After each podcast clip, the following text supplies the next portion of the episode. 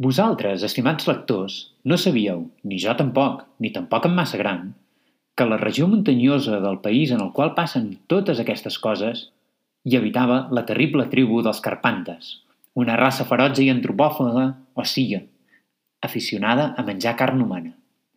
Aquests salvatges antropòfags eren el flagell del país.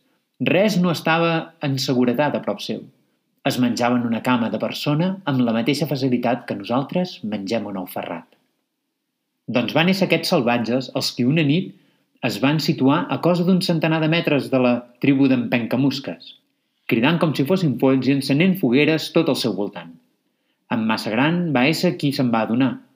Després de sopar s'estava fora de la seva barraca prenent la fresca, quan tot d'una va sentir la cridòria. Què hi deu haver? Va pensar i alçant-se per mirar en quina direcció se sentia la cridòria, va quedar molt sorprès en veure les fogueres. Potser és la rebella de Sant Joan. Va dir-se el nostre heroi. I en aquesta creença se n'anà a la barraca d'en Pencamusca a dir-li si volia anar amb ell a fer gresca i a saltar els focs. Què t'empatolles? Li va dir en Pencamusca. No t'ho creus? Doncs vine i veuràs els focs i sentiràs la broma que fan. En Pencamusca va sortir de la seva barraca i encara no va veure els focs, va quedar més sorprès que si veiés visions, i de segur que, si no hagués estat negre, s'hauria tornat groc. Uh, uh, Va exclamar en penca musca. són els carpantes! I qui són aquests senyors, si es pot saber? Caníbals! I què vol dir això?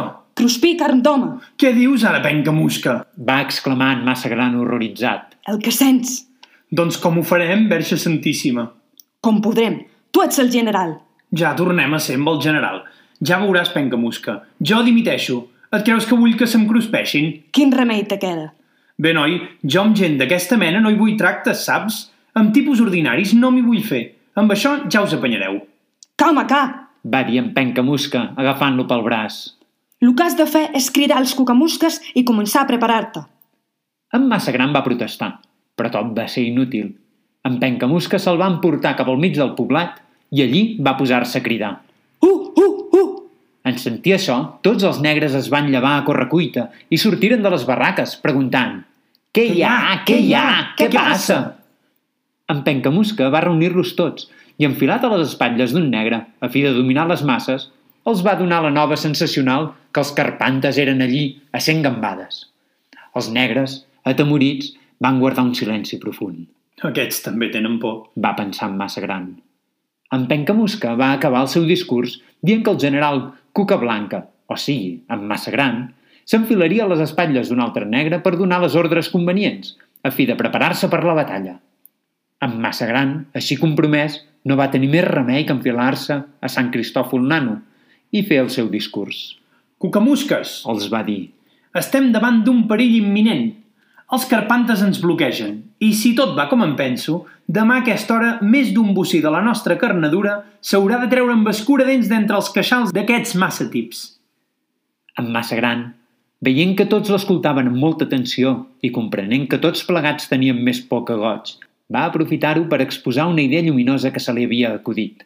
Aquí el que convé és fer l'home. va pensar en massa gran. I acte seguit, continuar el seu discurs en tons tan valents que els cucamusques es miraven els uns als altres, dient Que és valent, aquest!